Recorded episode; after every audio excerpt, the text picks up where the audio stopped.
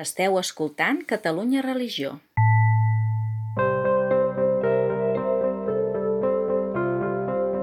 La recomanació literària d'avui ens arriba des de Vilanova i la Geltrú. Elisenda Almirall ens apropa a l'edat mitjana a partir de la novel·la Les tenebres i l'alba, de l'escriptor galès Ken Follett. El Mirall és membre del Centre de Pastoral Litúrgica i treballa al Departament de Patrimoni del Bisbat de Sant Feliu de Llobregat i a Catalunya Sacra.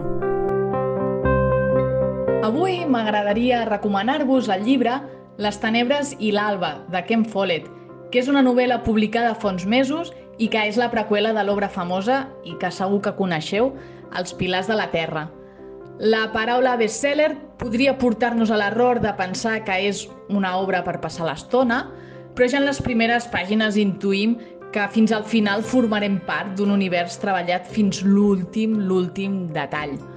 En aquest cas, a través de tres històries aparentment inconexes, el lector es pot endinsar en l'Anglaterra del voltant de l'any 1000, una època complexa, marcada, per exemple, per les invasions o les lluites de poder.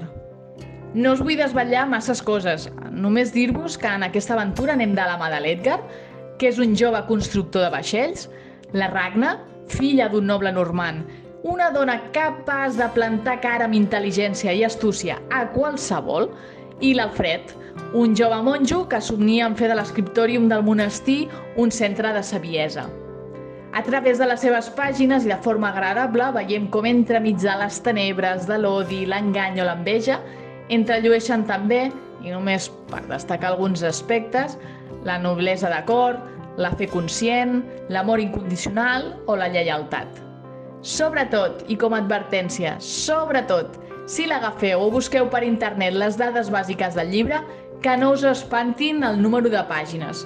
No us preocupeu gens, perquè com en totes les obres de Follett, va teixint històries plenes d'emoció, amor, intriga, i ho fa amb un llenguatge més, i que manté aquí el té entre mans, abduït i sovint obligant a perdre hores de son perquè ningú el vol deixar sense saber què passa amb les trames.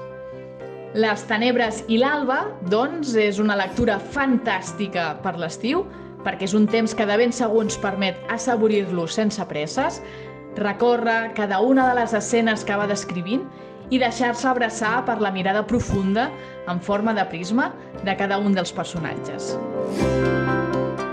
Catalunya Religió.